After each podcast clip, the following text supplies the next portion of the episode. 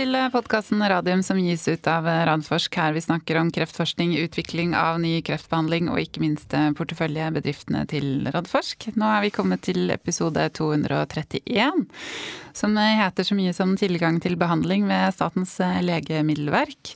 Og det er blitt 3. juni, klokken er 14. Velkommen Jonas Einarsson. Takk skal du ha, Elisabeth.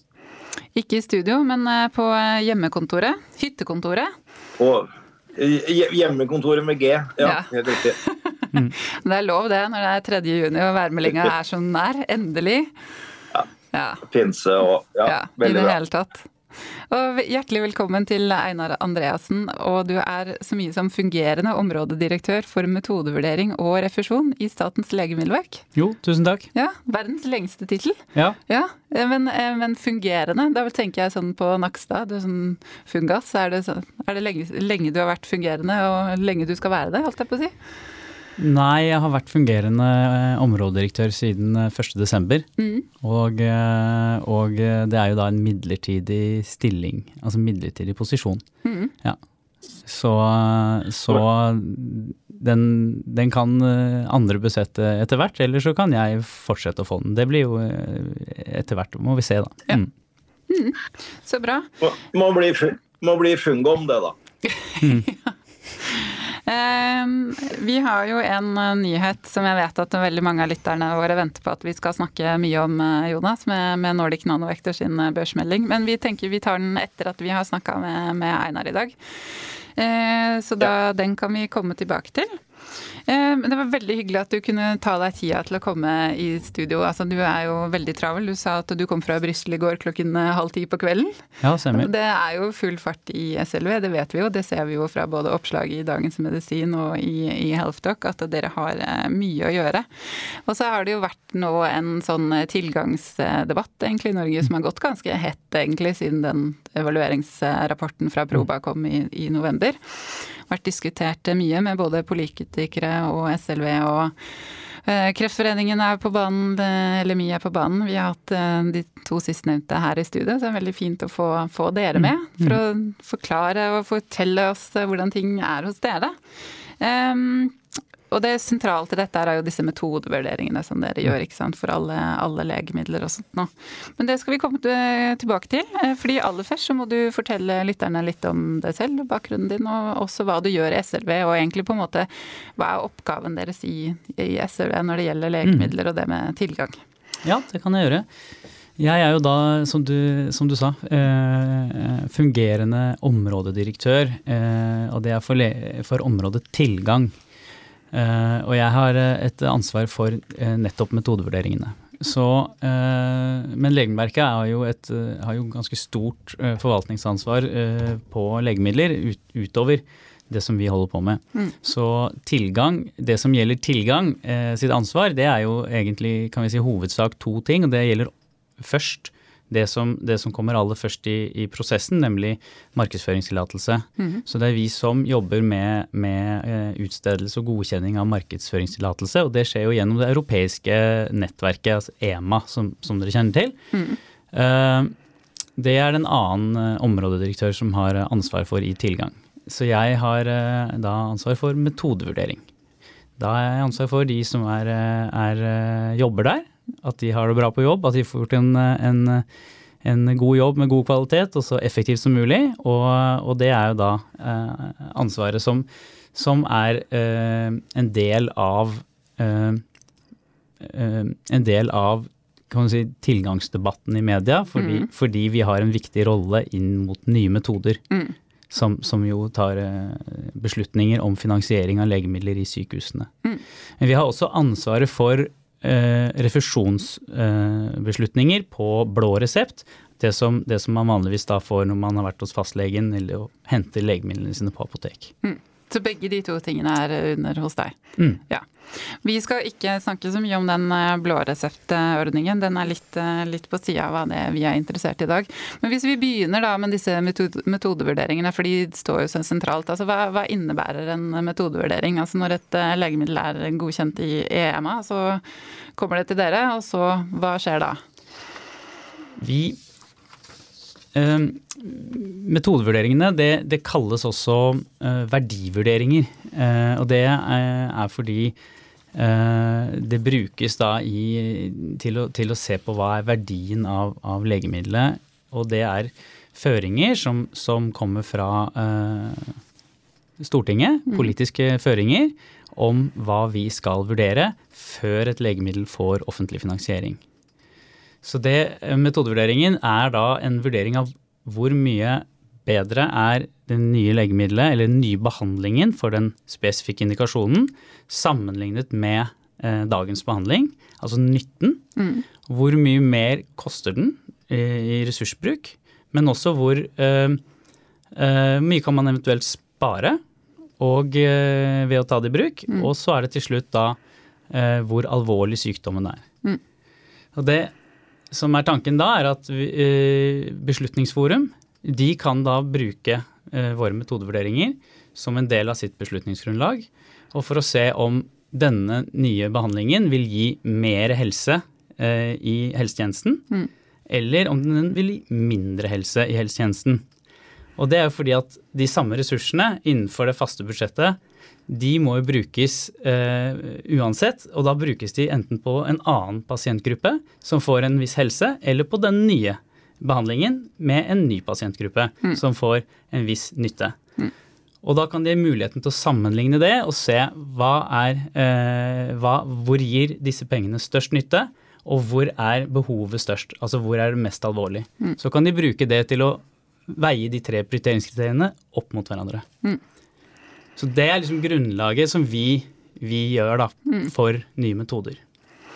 Nettopp. Eh, og, og, det er jo akkurat disse metodevurderingene som har vært gjenstand for en del diskusjon og, og, og også kritikk. Altså Hvis vi begynner først med det med presisjonsmedisin, da, persontilpasset medisin. Man er jo som på full fart inn i den æraen der. Så er det mange som peker på at systemet og metodevurderingene de er ikke tilpasset dette. Altså for dette her er jo ofte legemidler som ikke er testet ut på så mange mennesker, ikke sant? men som man har umodne data, som man kaller det. Og så har det jo ofte også blitt kritisert for at dere tar altså, høye priskalkuleringer. Dere kalkulerer inn den høyeste prisen. Eh, dere diskuterer mye med dette med usikkerhet i dataene når det er så få pasienter det er mm. altså, prøvd ut på. Mm. Men så er det jo sånn at når man går da, mot en persontilpassa og en presisjonsmedisin, da, da stemmer jo ikke et kartet og terrenget her. Hva, hva, tenker du om det, og den kritikken dere møter på disse tingene?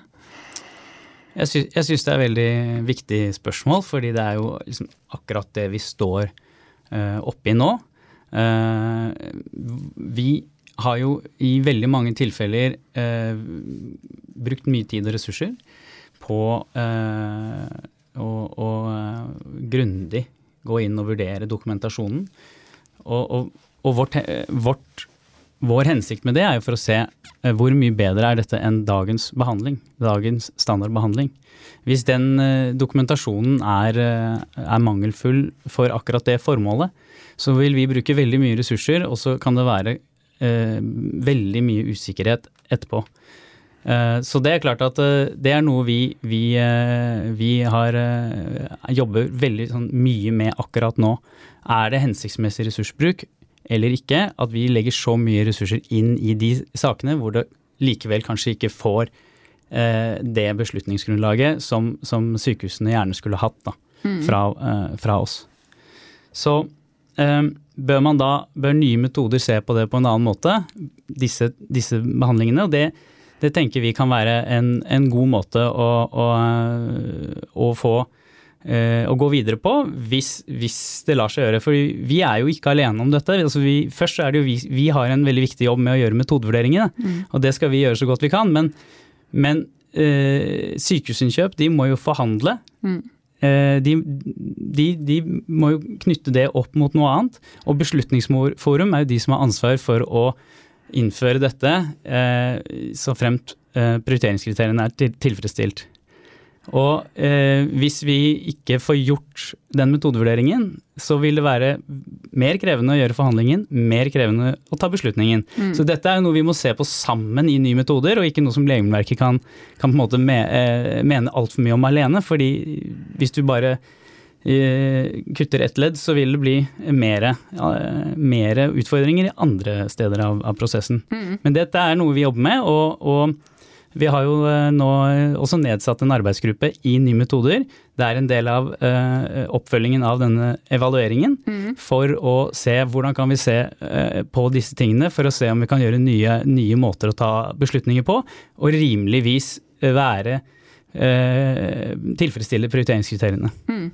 Men det, men det, er spennende. Kan ikke du si hva er liksom mandatet til den arbeidsgruppen? Er det nettopp det å komme, altså få kortet ned tiden? For tid har jo på en måte vært en kritikk eh, at man bruker for lang tid i Norge på å ta, ta i bruk. Det gjelder jo ikke bare SLV, men det gjelder på en måte hele tiden mm. Eh, man bruker i, i systemet. Men hva, hva gjør mm. dere i arbeidsgruppa? og eh, den arbeidsgruppa, den, Det første vi har gjort nå, er jo at vi har gått og sett hva gjør de i de andre nordiske landene. Mm vi har jo, og det er liksom viktig å ha med seg, altså vi har en politisk føring som sier at alt av nye legemidler, nye indikasjoner, skal metodevurderes.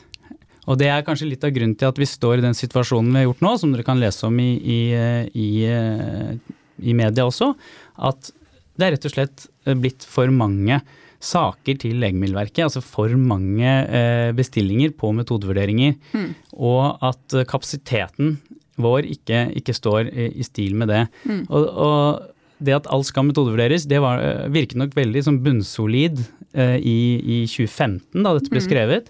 Du må huske at da hadde vi vel 15 metodevurderinger i nye metoder. Ja, I fjor hadde vi 65. Ja. Og så kom, vil det komme flere. Og, og, og det, det er, ser ikke ut til å bli færre. Nei. Mm. Så vi er nødt til å tenke litt nytt. Vi er nødt til å tenke litt radikalt nytt. Uh, og det er jo liksom hvordan skal vi gjøre det, men samtidig uh, uh, passe på at prioriteringskriteriene er oppfylt osv. Så, videre. så Så det er de tingene vi ser på. Og da har vi, da har vi startet nå også med f.eks. Å, å snakke med hvordan de gjør det i Sverige. Mm. For der også bestiller de ikke nødvendigvis metodevurdering av alt. Uh, og de gjør uh, noen andre, andre, grep for å få unna, uh, unna, det. Og det tror jeg kan være et veldig viktig grep, i hvert fall for saksbehandlingstiden på Legemiddelverket. Fordi vi Litt av problemet vårt er ikke nødvendigvis hvor så lang tid vi bruker på selve metodevurderingen. Mye ligger i at det tar litt lenge, for lang tid før vi får begynt på metodevurderingen mm. i dagens situasjon. Så her tenker jeg vi har uh, veldig mye å, å, jobbe med, men da sammen med de andre aktørene. Så jeg føler at det er et veldig konstruktivt uh, samarbeid. Vi har startet nå uh, nylig, det, og vi skal jobbe kontinuerlig framover med det. Og det vil komme tiltak underveis når vi okay. får, eh, får, eh, liksom eh, når vi, kommer, når vi, kommer, så langt, da. Mm. Ja. Ja, for det var egentlig oppfølgingsspørsmålet mitt. Altså har man satt har, har dere fått en tid? Er, for dette er jo vel svar på bestilling fra, fra helseminister og, og mm. departementet ja. i forhold til den oppfølgingen. Men er det da er den satt av en tid for at dere skal levere noe, eller er det liksom bare at nå skal dere sette i gang og se på hvordan dere kan jobbe raskere sammen? Nei, vi har fått en tid. Det er innen oktober, så skal ja. vi rapportere til eh, helse- og omsorgsministeren ja. på dette. Mm. Uh, men vi, vi, tenker jo at vi kan også komme opp med tiltak før det, hvis det er, hvis det er klart. Mm. Mm. Så bra. Einarsson, har du noen spørsmål, eller er det så tyst, tyst bort på zoomen din?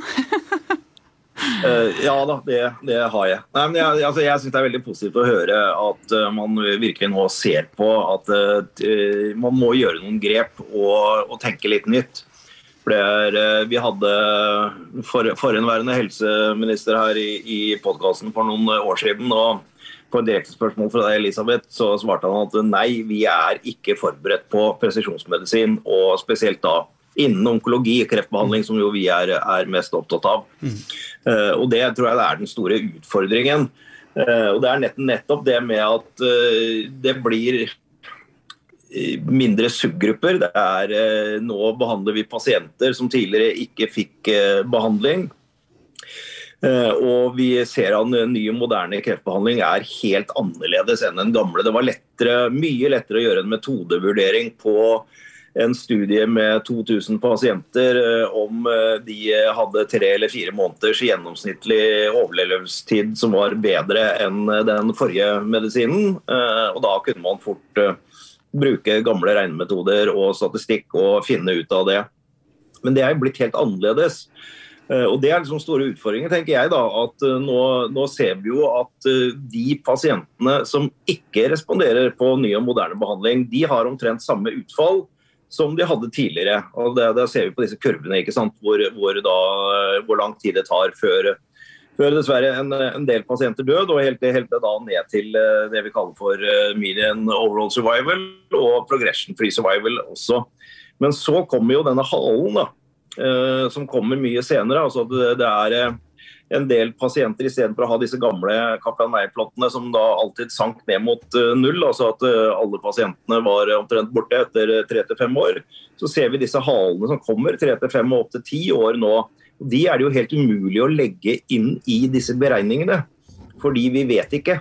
Og Vi kan jo ikke vente fem eller ti år for å se og så begynne å regne på det. Mm. Og det er liksom disse, de, de, de, Hvordan man klarer å legge det inn i disse metodevurderingene, eh, som jeg skjønner er veldig vanskelig. Men vi vet jo at immunterapi nå eh, i stor grad gir denne type hale som du faktisk også kan forutse ganske tidlig når du ser på knekken i kurven. Og da Er liksom mitt spørsmål, er dette noe dere nå har såpass mye data på at dere klarer å legge inn i modellen deres? Hvis jeg kan svare på det på en litt annen måte, fordi uh, vi hadde akkurat et møte med, med, med hvordan Sverige har sett på disse PDN-hemmerne, og det er, var veldig interessant og nyttig, for der har de gjort en generell anbefaling til at eh, PDN-hemmere uh, kan gå inn uh, i tjenesten med, med, da det prisnivået som, som, de ligger på i, i, i liksom anskaffelse. Så det blir tilsvarende anbudsprisene i Norge, da. Eh, fordi de mener at det er tilfredsstiller deres prioriteringskriterier eh, mest sannsynlig. Og så har de noen unntak, og så må de gjøre noen eh, vurderinger som gjøres av, av klinikerne deres. Som er, så det er en helt annen måte å, å se på det. Og det syns jeg var, var, veldig spennende, for vi som du sier, vi, vi kjenner jo til immunterapiene ganske godt nå.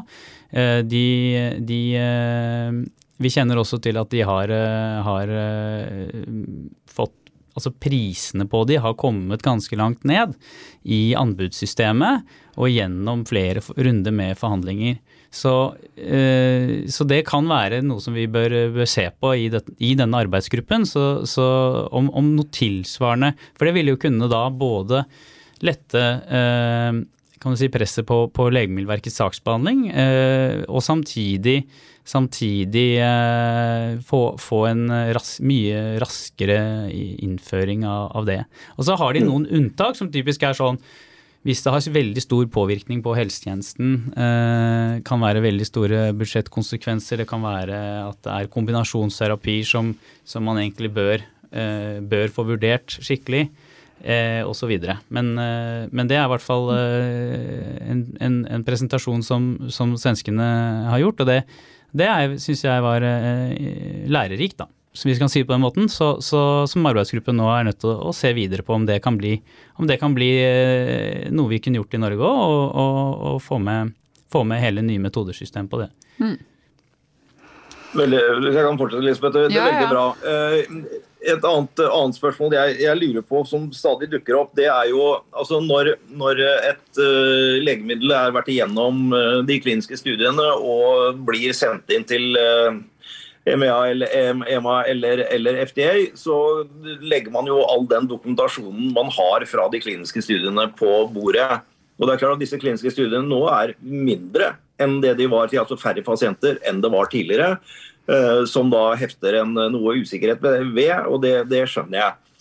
Men så får vi stadig høre i debatter, spesielt fra politikerne, at eh, det er da metodevurderingen, enten det er SLV eller, eller hvem det er, som da etterlyser mer dokumentasjon fra selskapene, og at denne tar altfor lang tid for å få denne dokumentasjonen. Og da er liksom Mitt spørsmål er hva dokument, slags dokumentasjon er det man etterlyser da, som ikke Altså Har de noe mer dokumentasjon enn det de legger frem når de ber om at et legemiddel skal bli registrert? Ja, det er et godt spørsmål. Altså det er, øh, det som kanskje gir den, de største utfordringene hos oss, det er jo Uh, i de, de, tilfellene hvor du har en uh, godkjenning fra EMA som er basert på en, uh, en fase 1 slash fase 2-studie. vi vi Da er det gjerne uten kontroll. Det er, det er med en surrogate endepunkter, og det er gjerne litt korte studier. Altså alle de sånn klassiske eh, utfordringene i en metodevurdering. For vi skal jo da sammenligne eh, over lengre tid. Vi skal sammenligne eh, på eh, harde endepunkter som overlevelse og livskvalitet, og vi skal sammenligne på, på med dagens behandling. En, en riktig komparator. Og, og, de kliniske studiene mangler jo egentlig da kan du si, alle de tre eh, viktige komponentene i en metodevurdering. Eh, og da er det noe sånn at firmaene er den, de som fortsatt har, har en dokumentasjonsplikt for å vise at deres eh, eh, legemiddel tilfredsstiller prioriteringskriteriene? Så da må de jo gjerne eh, legge på med ytterligere dokumentasjon fra eh, Det kan være støttestudier på livskvalitet. Det kan være eh, det, og, det, og det er særlig da i de tilfellene sam, indirekte sammenligninger mot, eh, mot eh, dagens behandling.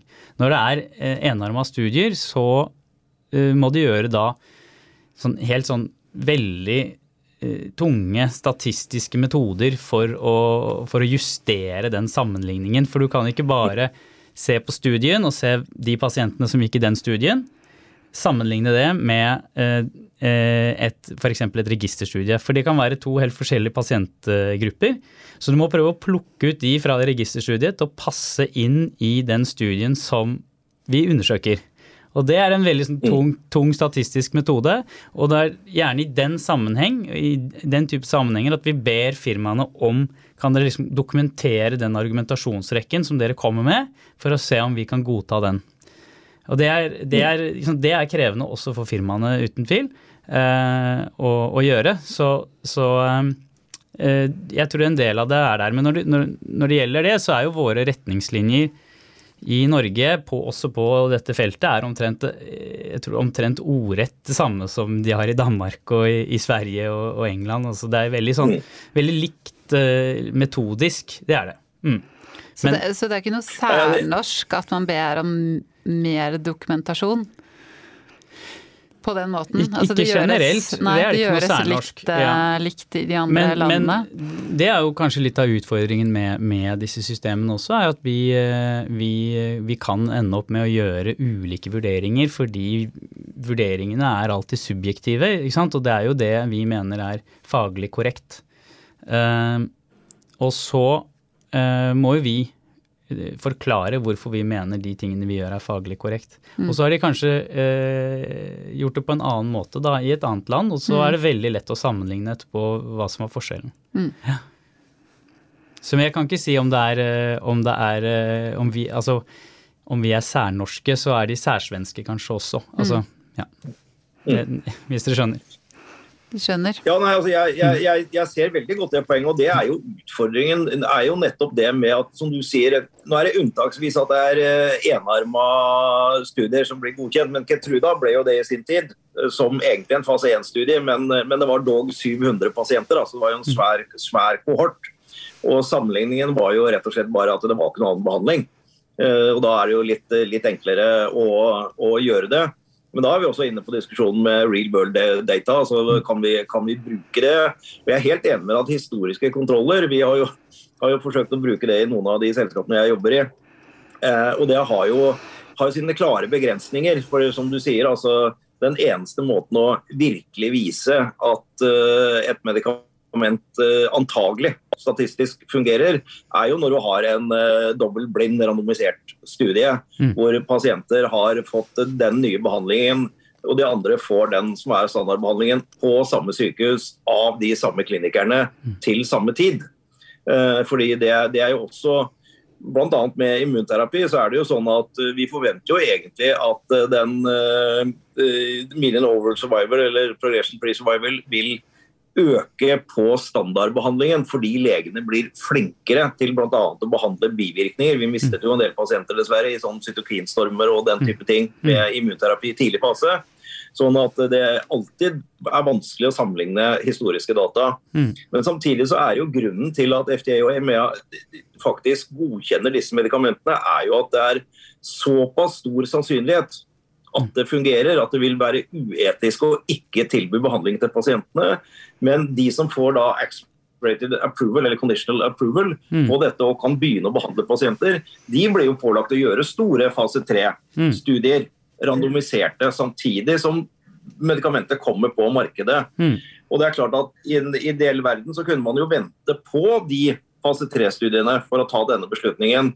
Men da, det, da kommer det etiske spørsmålet inn. Mm. Er det riktig å vente på de, og, og, og når det er stor sannsynlighet for at det faktisk kan fungere?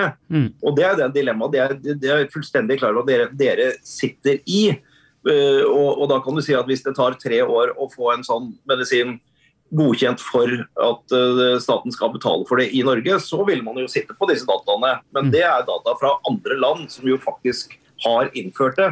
Mm. Så det, det, det, Man har liksom havna i en sånn etisk, ju, juridisk, økonomisk eh, veldig vanskelig situasjon. da. Det liksom, det, det, men det er som du sier, det, er jo dette dere jobber med. Og det, det syns jeg er veldig positivt. Ja, ja og så er det jo viktig, viktig å huske på at dette, dette, dette innebærer jo også en større risiko for eh, pasientene. ikke sant? Altså når du har eh, studier eh, uten kontrollarm og, og, og sånne ting.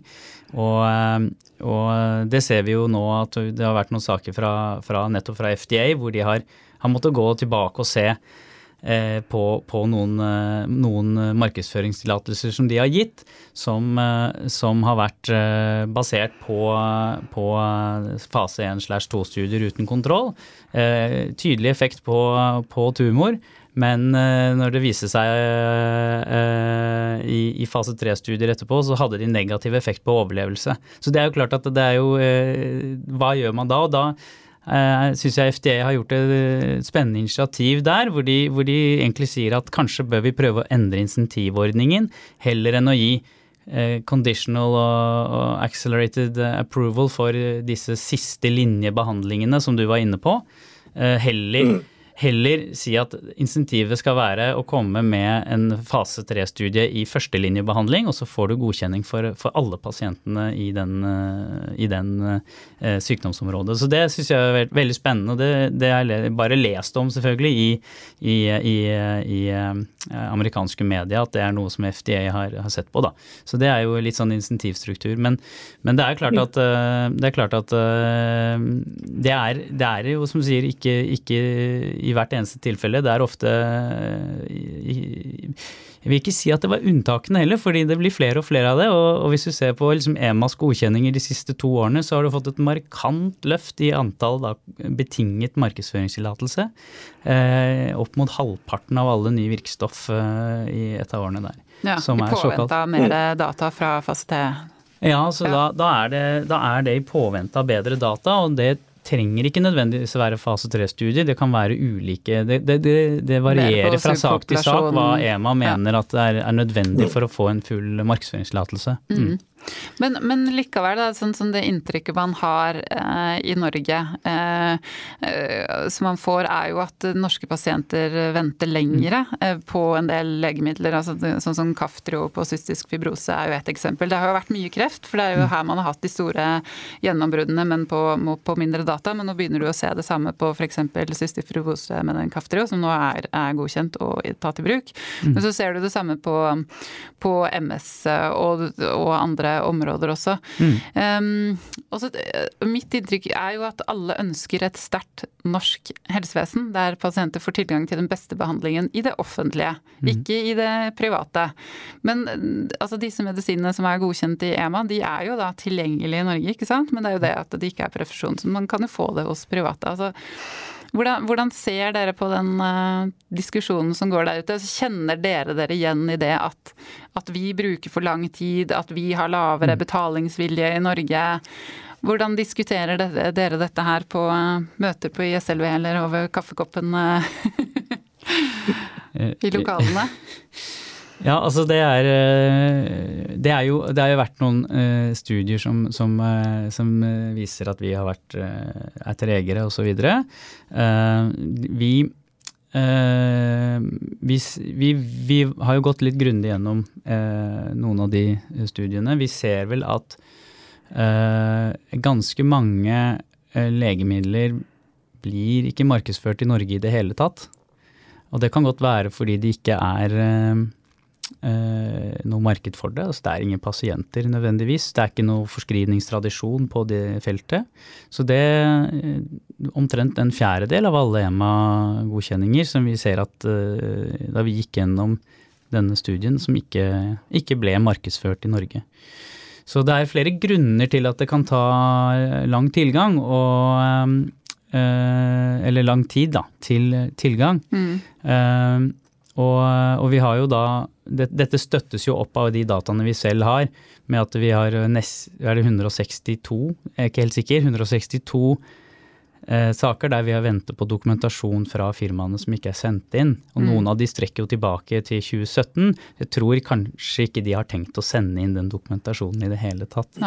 Så, eh, men det er ikke sikkert legene syns det er relevant heller. Så det tenker jeg er viktig at vi, eh, at vi har med oss også. At, eh, at eh, vi, må, vi, må, bli smidigere til å komme raskere i gang med, med de tingene som er viktigst for, for pasientene og, og, og legene. Mm. Ja, for Det også har jo vært en kritikk hele veien, at, at klinikerne og pasient, pasientforeningene ikke føler seg på en måte at de blir involvert i beslutninger, kanskje spesielt mm. på klinikerne. Mm. Eh, snakka med en kliniker eh, ikke Fredrik Skjersvold på myelomatosefeltet, som sa at det er så mye av de mm, altså legemidlene som kommer f.eks. på myelomatose, som altså Det er ikke relevant, fordi de har da fulgt det gjennom kongresser, de har sett på forskningen, de har sett på klinikker, de tenker at nei, det, dette her er ikke noe som skal som man trenger å metodevurdere. Altså, mm. Men hvordan øh, Og dette her øh, håper jeg noen dere kanskje ser på den arbeidsgruppa deres også. Hvordan ser dere på det med klinikerinvolvering? Mm. Ja, det er et uh, veldig uh, betimelig spørsmål. For det er, uh, det er, noe som vi har diskutert i den arbeidsgruppa. Fordi, og det er jo liksom viktig å påpeke at dette med klinikerinvolvering, det er jo noe som egentlig påvirkes i hele prosessen. Det er da, som du er inne på nå, utvelgelse av de riktige sakene. For vi er jo ikke noe interesse av å bruke masse tid på en metodevurdering eh, som egentlig ingen har noe interesse av der ute. Eh, og så er det noe sånn at eh, det har vært en politisk føring for oss å gjøre. Mm. slik at det ligger i verktøykassa. Så jeg tror det er, er, er, Der er det mye å hente. vi kommer til å vi kommer til å, jeg tror vi kommer til å, å, se mye mer involvering av klinikere for bestilling av prosessen fremover. Kanskje må vi starte med noen piloter. Uh, hvilke klinikere, hvordan skal vi gå frem? Alle disse tingene her er noe som vi, vi ser på nå. Mm. Uh, og jeg tror det, men jeg tror det er liksom helt, uh, liksom helt sånn viktig, vektig brikke da, for å få dette her mer smidig, og, smidig mm. prosess. Mm. Så det, så akkurat det det vi, Ja. Vi var innom det, Elisabeth, eh, jeg tror det var i forrige podkast eller podkasten før, at uh, dere nå vel har sagt at det kan ta opptil på en måte seks måneder før dere har ressurser til å starte en uh, metodevurdering, og så på en måte teller dere dagene derfra. Da tar det jo enda lengre tid. Så vi skal jo ha Ingvild Kjerkol i podkasten nå over sommeren. og da tenker jeg at et sånt spørsmål ja, etter Arendalsuka. Mm. Da et, et, godt spørsmål til henne vil på en måte være uh, hvis, de nå, hvis dere får de ressursene dere trenger, mm. uh, vil det da gå raskere? Altså Er det rett og slett et sånn politisk spørsmål at her må det en ekstra bevilgning til SLV til å få de ressursene man trenger for å få en raskere gjennomføring av dette? Kan jeg svare på to måter? Jeg vil gjerne si ja til sånn. Altså, eh, jeg er jo en eh, byråkrat, og vi, har, eh, vi ser at vi har, har, kapasitetsutfordringer. Så klart en tilførsel av ressurser er, er optimalt. Og så er det det som handler om eh, å, å, ha gode metodevurderere, som er et annet Og det, og det er en utviklingsprosess. Altså det, det er ingen som, som, er utlært med, til metodevurdering rett fra studium eller, eller tilsvarende. Det, er, det tar tid å læres opp i. Og akkurat nå så vil jeg vel ikke si at vi har mye kapasitet til å lære opp veldig mange nye. Så det er, ikke, en, eh, det, er ikke en, eh, det er ikke så enkelt svar, da. At jeg bare ville sagt ja til masse mer ressurser. Mm. Mm. Men, men, sånn som altså, kreft, kreft ja, Fortsett du, Jonas. Sorry. Blir vi ivrige her nå for hver vakant? Litt engasjert i dette. Litt engasjert i dette.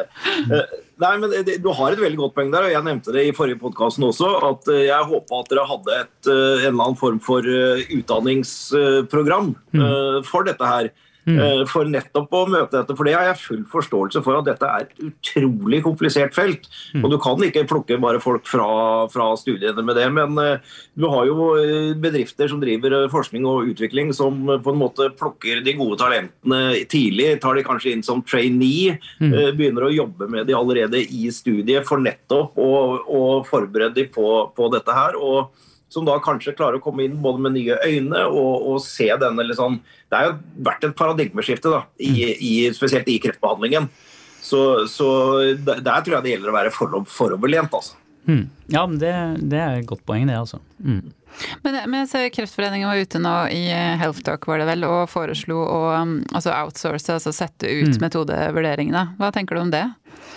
Ja, det, det, gjør de i stor grad i England. Altså Nice mm. uh, gjør det. Uh, de bruker da konsulentselskaper egentlig i England og andre steder til å gjøre metodevurderingene for seg, og så må de jo uh, kvalitetssikre det. Nice er vel omtrent 400 mennesker som bare da jobber med det, mm. så det er stort. Mm. de har et ganske stort gebyr for alle firmaene til å levere inn. Så det er, det er liksom en helt annen eh, posisjon til å kunne gjøre det. fordi eh, å bruke andre til å gjøre metodevurdering vil også være et, et stort ressursspørsmål. ikke sant? Det vil koste, koste vesentlig mer enn enn eh, å ha det in-house. Mm.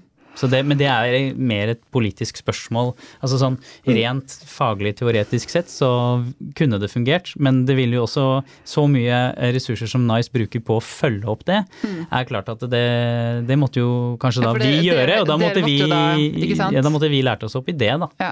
Så det, det, er, eh, det, ville, det, ville, vært en fase der som jeg tror det hadde vært eh, utfordrende på. Mm. Mm. Men, men, sånn som nå, da, for jeg hørte jo også fra en, en kjenner i industrien som de sendte inn eh, en metode, altså nytt legemiddel til metodevurdering i oktober. Mm. Enda ikke fått tildelt uh, saksbehandler. Mm. Um, og, det er, og det er, flere, flere av de. Altså, mm. Hvordan skal dere få tatt unna disse som nå ligger der i kø? Ja, det er et veldig godt spørsmål. Altså, det, vi har, det, vi har, begynt å gjøre, er jo at vi, vi, Og litt av grunnen til at disse ligger i kø, er jo også at vi, uh, vi, vi må prioritere hvilke saker som vi mener er, er viktigst å få fram først. Mm. Eh, det er en jobb som vi på Legemerket bare har sagt at det må vi bare gjøre, og så har vi fått tilslutning av bestillerforum. Men, men, det er noe som vi må se på sammen med nye metoder, om kan gjøres på en helt annen måte. Mm. For nå har vi de i kø. Eh, kanskje skal den køen rangeres på en annen måte. Kanskje legene ville hatt noe å si om det, mm. osv. Så, videre. så det er vel noe vi må, vi må se på, om, om, kanskje, om vi kan gå et, et skritt videre der. Mm. Det, Hvordan prioriteres det nå, da? Det er etter prioriteringskriteriene. ikke sant? Ja. Eh, altså, det er jo da særlig eh, nytten. Er mm. det et veldig, ser det ut til å være en veldig stor eh, nytte av behandlingen? Ser det ut til å være en veldig eh, altså god dokumentasjon for at, den, at, det er stor nytte? Mm. Og, og, og, særlig alvorlighetskriteriet, altså behovet, er det hvor akutt det er, da. Mm. Så det er de to som som er det viktigste uh, i den prioriteringen. Skjønner. Mm. Hm. Ja, det Ja. Men for det jeg også skjønner, da, er jo at um at, eh, altså sånn, dere trenger jo nok, nok folk i, i, SLV, og så er det veldig, de er jo veldig attraktive i industrien også. Eh, og det er veldig mange som går til, til industrien etter å ha vært eh, hos dere noen år. Altså, burde man tenkt på en annen måte. Altså, det der å beholde folk i det offentlige, det gjelder jo ikke bare SLV, det gjelder jo andre steder også. Beholde gode folk i det offentlige kontra at de går over til private. Har dere noen tanker rundt hvordan dere kan gjøre det? For, for, i hvert fall det jeg snakker med i industrien, så er jo alle vil jo ha et sterkt SLV. Alle vil jo at dere skal være store, og sterke og fagkompetente og ja. være en god, god sparringspartner. Ja. Mm. ja. det er hyggelig, da. Ja. vi, vi Uh, og det, det, er jo som du sier, ikke sant, at nå, nå, er det Jeg snakker med kollegaer i uh, Jeg var jo i, i Brussel i går. Jeg snakket med kollegaer fra Europa. De, de opplever veldig mye av det samme uh, rundt om. nå er det ikke sant, Det kommer en ny HTA-regulering som er blitt vedtatt i, i kommisjonen. Mm. Hvor, hvor, medlemslandene nå skal liksom lage et nytt felleseuropeisk HTA-system. Uh, flere og flere land har jo begynt å ta i bruk den metodikken i sine beslutningsgrunnlag. Uh, Danmark sist i fjor, ikke sant. Sånn at vi Vi ser vel det at etterspørselen etter de som kan dette, har mhm. økt vesentlig i, i, de siste årene. Og dette har gått i liksom superfart fra vi selv etablerte nye metoder. hvor, hvor dette da var også nå ble et stort behov ikke sant, i, mm. i industrien for å få eh, kompetente folk. Så, og i, i andre eh, sykehusinnkjøp og andre offentlige etater. Så det er veldig, det er veldig ettertraktet eh, gruppe. Så mm. det vi gjør er jo å, å, eh, passe på at du får en eh, god faglig utvikling, at du har et godt fagmiljø, at du eh, brenner for det du gjør. Altså mm. er, det handler om prioritering, og det handler om å stå i, i det faget mm. som, vi, som, vi, gjør. Og det, det er liksom de viktigste, viktigste, grepene vi har. Og så har vi jo da fått inn mange nye som er som er kjempegode, stort, stort potensial, som vi da har et stort utviklingsløp på. Som du var inne på, Jonas, så er det jo et, eh, vi er Noma Academy, som vi er veldig stolte av.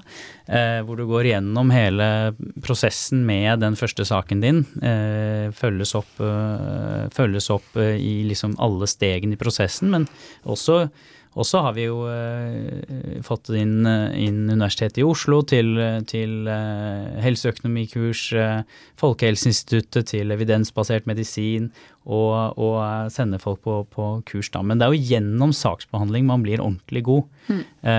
det er da man får, får den kompetansen man trenger. Mm. Så det er også et stort fokus, selvfølgelig. Men um, kan gå litt videre. Jeg ser vi snakker oss, Det er sånn typisk oss når vi har podkast, eh, Det er ikke noen korte, det korte effektive podkaster uh, her, her, i huset. Um, altså, dialog og manglende tillit det er jo på en måte noe av det mest vesentlige som kommer fram i den. Proba-rapporten i forhold til uh, nye metoder.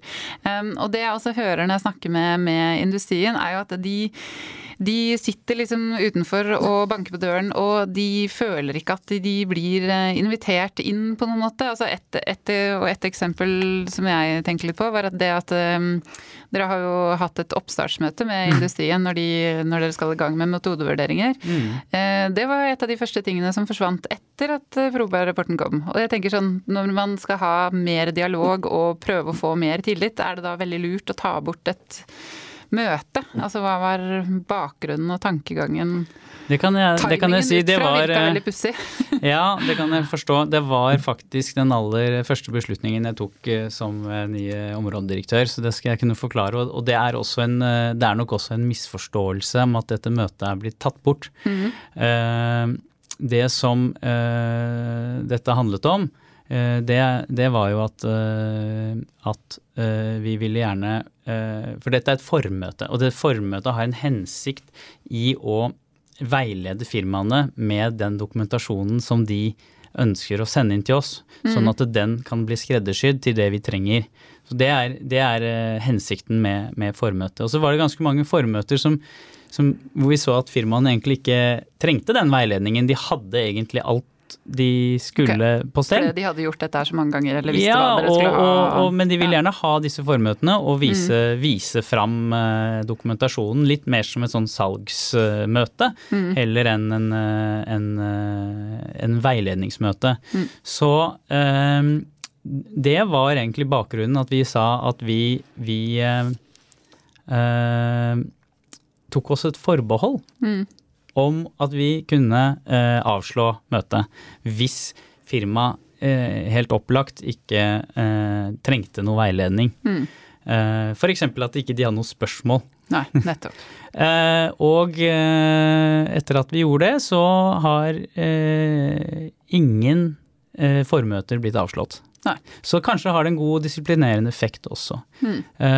Et formøte har blitt utsatt eh, i, i samråd med firma fordi de hadde ikke De hadde egentlig ikke den, dokum, eh, de, altså den dokumentasjonen ferdig til å vise hva de skulle ha. Så det var litt sånn annet. eh, Så da sa vi kan vi ikke utsette det? Jo, det gjør vi. Ja. Så, så sånn Det skjønner jeg. Det er jo ikke noe vits å ha møter hvor man ikke får Nei. noe ut av det. Nei. Det er jo typisk så, så sånn sett, effektivisering. så, sånn sett så, så har det Jeg vet jo ikke om det har vært en effektivisering. Nei. For jeg vet jo ikke om noen har tenkt det, det, det gjør vi ikke nå fordi vi ikke, ikke, ikke trenger det. Mm. Men i hvert fall så har alle som har spurt hittil, har fått det. Og det har vært eh, gode formøter som har blitt eh, Som da har hatt en, en, eh, et veiledningspunkt på agendaen. Mm. Det er bra. Og så er det en annen ting jeg lurer litt på. Fordi man har jo diskutert det i Norge med alternative pris- og betalingsløsninger. Og så kom det noe som het 22.6-vedtaket i 2020 som åpnet for det. Altså Hvordan bruker dere dette inn i metodevurderingene deres? For det, jeg vil jo tro at uh, hvis man kan komme til en alternativ eh, prisløsning på et legemiddel, så burde jo det legges inn i metodevurderingen, og ikke komme e- i ettertid når um, Sykehusinnkjøp skal inn og forhandle. Mm. Ja, jeg forstår. Altså, det, um hvis vi bare kan ta liksom ett skritt tilbake. metodevurderingen er da en vurdering av de dataene, de kliniske dataene som, som ligger til grunn, de øh, beregningene som er lagt øh, på toppen med den støttedokumentasjonen som trengs. Det er det som er metodevurderingen. Og så har vi vært inne på at det ofte er veldig mye usikkerhet knyttet til, til det når vi er, leverer fra oss noe.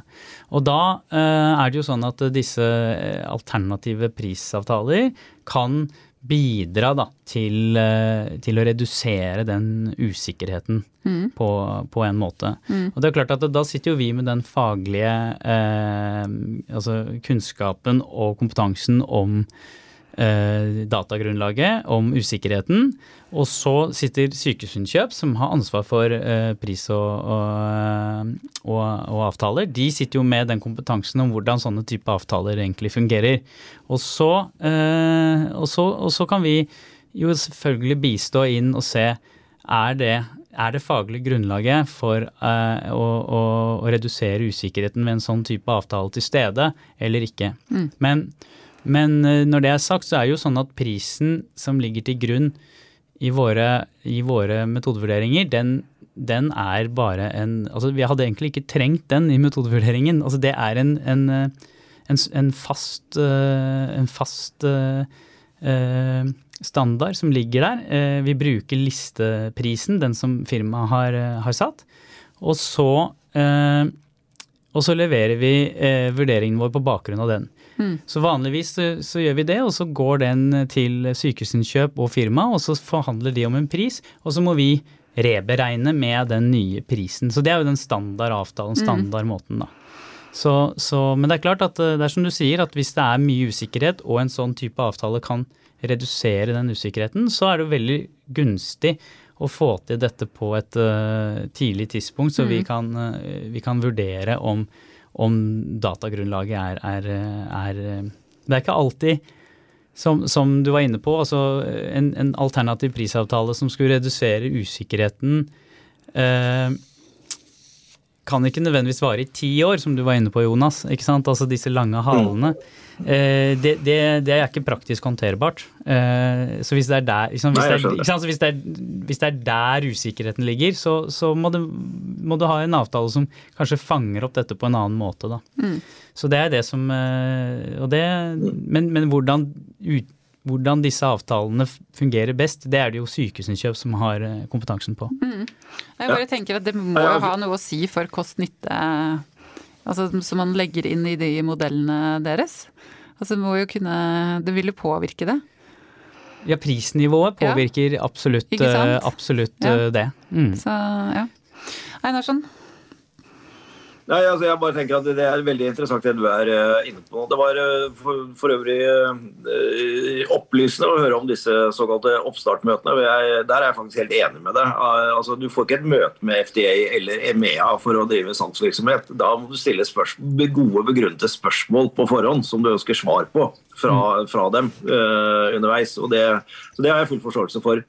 Eh, men jeg er også veldig opptatt av at vi virkelig ser på dette med alternative eh, prismodeller.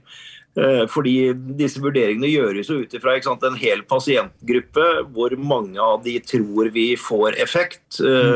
Hvor mye koster det å behandle 100 pasienter, hvorav 10 får effekt, kontra at det kanskje er 20 som får effekt. Men vi regner jo selvfølgelig at man må behandle alle 100. Mm. Og Da er jo denne modellen også med no cure, no pay.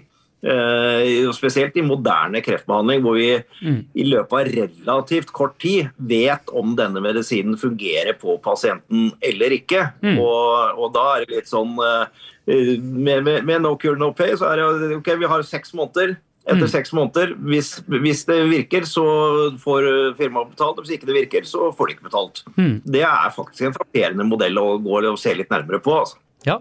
Nå har, jo, nå har jo, eh, TLV, altså vår svenske søsterorganisasjon, de har jo eh, skrevet litt om dette i rapporter nå.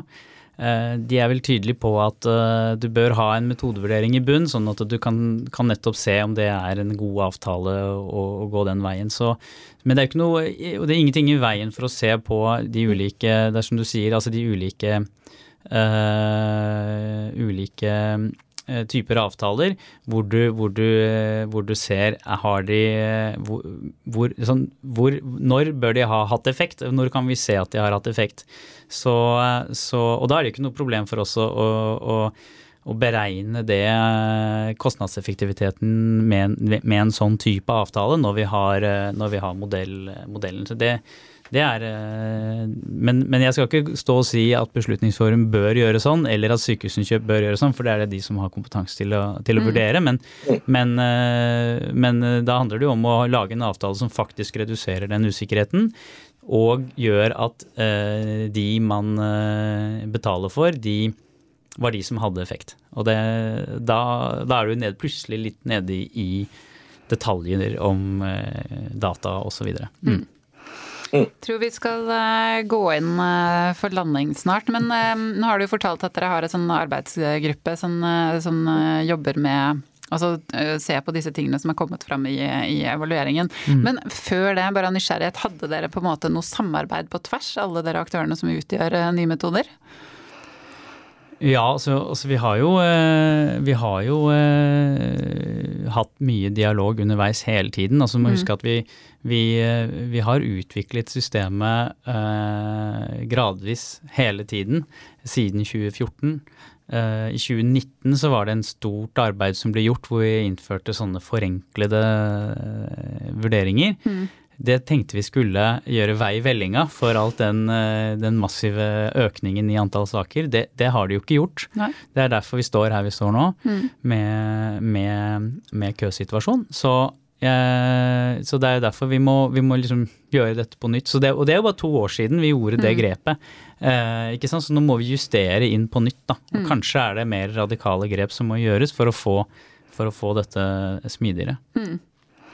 Ja, jeg bare tenker at det pasientoppropet som man har nå med de 41 pasientorganisasjonene, det, det er jo ganske Det er et sterkt symbol eh, der på at det er mange pasienter som ikke er fornøyd med hvordan systemet fungerer per i dag.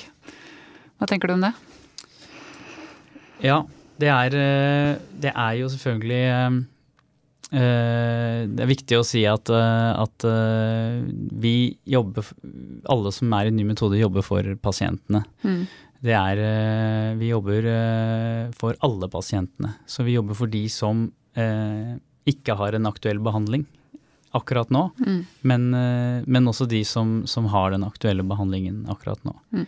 Og eh, jeg kan med hånda på hjertet si at vi på Legeverket vi jobber eh, så hardt vi kan for eh, at ting skal gå fortere og ting skal gå bedre og smidigere. Mm. Eh, og eh, det er mange aktører eh, i nye metoder. det er eh, vi, mange hensyn å ta. Men jeg er helt sikker på at vi skal få til, få til dette. Mm. Så bra. Mm. Har du et uh, avsluttende final remarks, Einarsson? Nei, Ikke noe annet enn at det har gått en hel time, og vi er fortsatt midt inne i diskusjonen. og det, det, det, bare viser at dette er noe vi må ha en åpen dialog rundt hele veien. og mm. ikke... Det, du hjalp meg Lisa, til å skrive den kronikken i Aftenposten for jeg tror jeg to år siden, hvor vi sa kom opp av skyttergravene og mm. start å snakke med hverandre. og Det var da henvendt både til industrien og mm. til uh, legemiddelmyndighetene. og jeg tror vi, vi må fortsette den dialogen. Mm. Ja, det tror jeg er mm. kjempeviktig. Mm. Mm, så bra. Men uh, tusen takk for at du kom i studio, Einar. Altså, kan det godt være at du blir invitert tilbake ja, igjen? Ja, det er masse annet som skjer. Jeg var jo i Brussel i går, det er masse internasjonale ting som skjer. Uh, dere får invitere meg til en ny podkast om det, så mm. da prater vi helt sikkert en hel time om det også. time eller to. Mm. Takk skal du ha. Takk for det. Yes, da, da må vi eh, snakke litt om uh, nyheten som jeg tror kan vel godt si at det kom som en eh, bombe i går, den børsmeldingen fra Nordic Nanovektor om eh, paradigmestudien. Der sto det jo at de eh, ikke hadde fått innrullert noen nye pasienter i løpet av mai, siden de hadde Q1 Eh, presentasjonen sin 13. mai. Som betyr at de da fremdeles eh, mangler eh, tolv pasienter for å lese ut de topplinjedataene som alle nå sitter og venter på. Og så sto det videre at styret i Nordic Nanovektor hadde derfor besluttet å gjennomføre en omfattende gjennomgang av alle aspekter av paradigmestudien. Og så sto det i tillegg at man da for å beskytte integriteten til studiene, så er det bestilt en uavhengig evaluering av dataene, som er da samlet inn til dags dato. Eh, som skal gjennomgås da av et uavhengig panel, og at den informasjonen skal bli brukt for å finne den beste veien videre for eh, studien. Eh, I meldingen så sto det også at Paradigmet vil fortsette å innrullere pasienter mens dette foregår. Det sto også at de skal se på guidingen i forhold til avlesningen av eh, dataene, altså gjennomgå det. Og så at eh, resultatene av denne evalueringen vil komme seinest til eh, andre presentasjons Q2-rapporten 20.07. Og at selskapet ikke ønsker å kommentere noe mer før den er gjennomgått. Um, og da har vi jo fått uh, noen lytterspørsmål på dette, som jeg tror egentlig oppsummerer det som skjer, uh, eller blant usikkerheten blant uh, Nordic Nanovektor. Jeg kan bare lese opp et par av de. Etter det som har skjedd med nanovektor i dag, håper jeg dere kunne tatt en hastepodkast og informert litt. Er det fundamentale OK? Hva gjør Folketrygdfondet slash Healthcap? Emisjon slash partnerskap? Jeg har vært i Nordic Nanovektor i åtte år, og jeg er sulten desperat etter info og synspunkter. Og en annen er håper dere i morgendagens podkast har mulighet til å kommentere innholdet i dagens meget dramatiske melding fra Nanovektor. Hersker stor usikkerhet og uenighet med tanke på hvordan meldingen bør tolkes. Så da er ordet ditt, Einarsson. ja. Ja, nei, det var jo en skuffende melding. Eh, først og fremst fordi de ikke har eh, klart å inkludere flere pasienter. Og det er egentlig mitt store spørsmålstegn, er hvorfor. Eh, for jeg, jeg, forstår det ikke helt, rett og slett. Jeg har prøvd å se igjen på, på studien og på inklusjonskriterier, og ikke minst at de har gjort en del eh, grep i forhold til det. Eh, og pandemi eller ikke pandemi, eh, ting er i ferd med å normalisere seg nå. og vi ser jo at vi har fått noe lag både her og der i, i andre studier, men, men, ikke på den måten. Så det er liksom mitt første store spørsmål, er hvorfor vi, de ikke klarer å, å, å fullføre. Det, det, det, neste er liksom jeg tenkte at du, du, kan ikke begynne å analysere data midt i en studie. Mm. Eh, eller før studien er ferdig inkludert, for det vil jo ødelegge all mulig statistikk. Men Eh, og nå må jeg ta det forbeholdet at jeg har misforstått, men jeg har også sjekket ut med, med en medisinsjef i et av våre andre selskaper som har kikket litt nærmere på dette for meg. Eh, og dette er jo ikke en randomisert studie. Det var en toarmet studie i utgangspunktet, da som en slags dose finding-studie. Hvor de da konkluderte med den dosen de har nå. Og ifølge de tallene jeg har klart å få ut, så skal det vel være ca. med, igjen med, med forbehold, med ca. 100 pasienter den, med den doseringen. Eh, sånn at det å gå inn og se på dataene vil, så vidt jeg kan forstå, ikke kompromittere studien. Mm. Eh, fordi det, sammenligningen her blir historiske data og, og andre data man kan, kan bruke. Eh, og du bryter ikke noe statistikk og ødelegger den, så vidt jeg kan forstå. Og Sånn sett så er det rimelig å gjøre dette nå, siden de nå ser at det nærmest er stopp i inklusjonen. Og igjen, det er min bekymring. At det ser ut som det er nærmest stopp i inklusjonen. Hvorfor det? Det vil jeg gjerne hatt et svar på. Men samtidig så, så, vil de nå kunne gå gjennom disse dataene, og forhåpentligvis, da, fordi alle tidligere data fra de, det vi vet fra å bruke betalutin, det er jo veldig spennende og positivt. Mm. Så forhåpentligvis kan de da slå i bordet med noen gode data nå. Uh, og så må jeg nok være så brutalt ærlig å si at den eneste årsaken jeg kan se at de gjør dette nå, det er at de må ha noe data å slå i bordet med for å finansiere Nordic Nanovektor videre. Mm. Uh, som vil da legge, legge grunnlaget for en, en videre emisjon. Uh, og dette er som nettopp det vi har diskutert med Einar fra SLB nå, er jo mm. nettopp at dette er da etter min forståelse en, en ren enarmet studie som da myndighetene i hvert fall vil uh, ha en større fase tre studie på.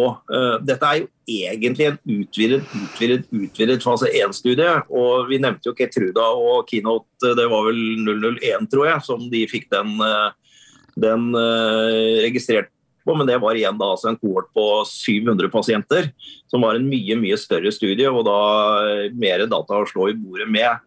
Så jeg, jeg, min oppfatning er at det, de gjør dette med håp om, og det håper virkelig jeg også, både for pasientene og for Nordic Nanovektor, at de får så gode data at da vil det være mulig enten å få til en avtale med Big Pharma, eller eh, at man klarer å gjøre en emisjon. Det er liksom så, så langt jeg har klart å analysere det. Mm.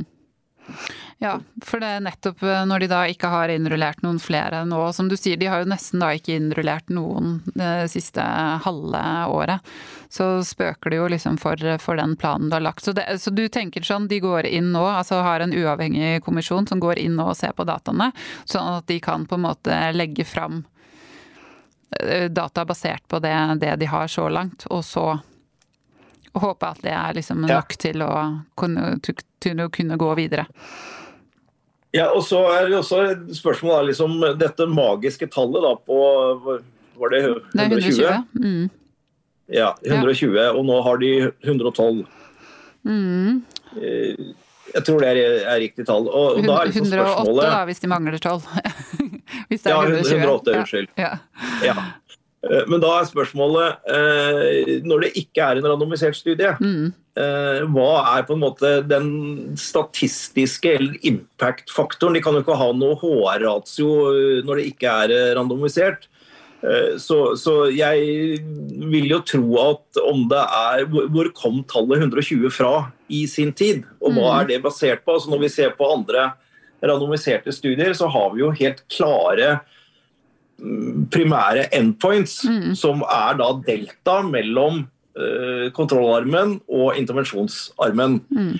Uh, og da har du en HR-ratio som uh, Nå har jeg ultimox-tallene i hodet, som, som er gitt og Hvis du når den HR-ratioen, da har du nådd ditt primære endepunkt, som du har diskutert med myndighetene på forhånd. at Da mener de at det er gode nok data til å gå videre. Mm. Uh, og Om det er tilfellet her eller ikke, er jeg litt usikker på. Nei, Jeg er, husker vært... heller ikke bakgrunnen for at det er akkurat 120. Eh, og som du sier, var jo, studien var jo annerledes. og Den var jo egentlig en fase 1, og som så de på en måte fikk liksom Jeg husker vi har diskutert dette i podkasten før. Den ble, ble liksom sånn ja. sømløs sømløst over i en, i en fase to, men da forskjellig Ja. Så ja. Nei, det er Den studien her er jo åtte-ti år godt, egentlig. Mm. Så ja. ja. Nei, vi får, vi får eh, da vente i, i, stor spenning på de dataene. Og så får vi håpe at uh, Erik tar en tur til oss og Skulderud. Erik, og, eh, Erik Skulderud og Marlene Brondberg er jo invitert inn og har takket ja for lenge siden til å komme den 22. juni. Så med det jeg da er spent på når de står i pressemeldingen at ikke de ønsker å kommentere noe rundt dette her, er jo på en måte hva, hvor mye de kan si, eller hva de har muligheten for. Så det får vi nesten leve i i spenning eh, rundt til den tid. Ja. Mm. Men du, da sier vi god pinse. Vi har ikke noe podkast eh, neste uke. Men vi er da tilbake 15. juni med to podkaster. Vi skal ha med oss eh, Steinar Amdal, som er på ASKO akkurat eh, nå.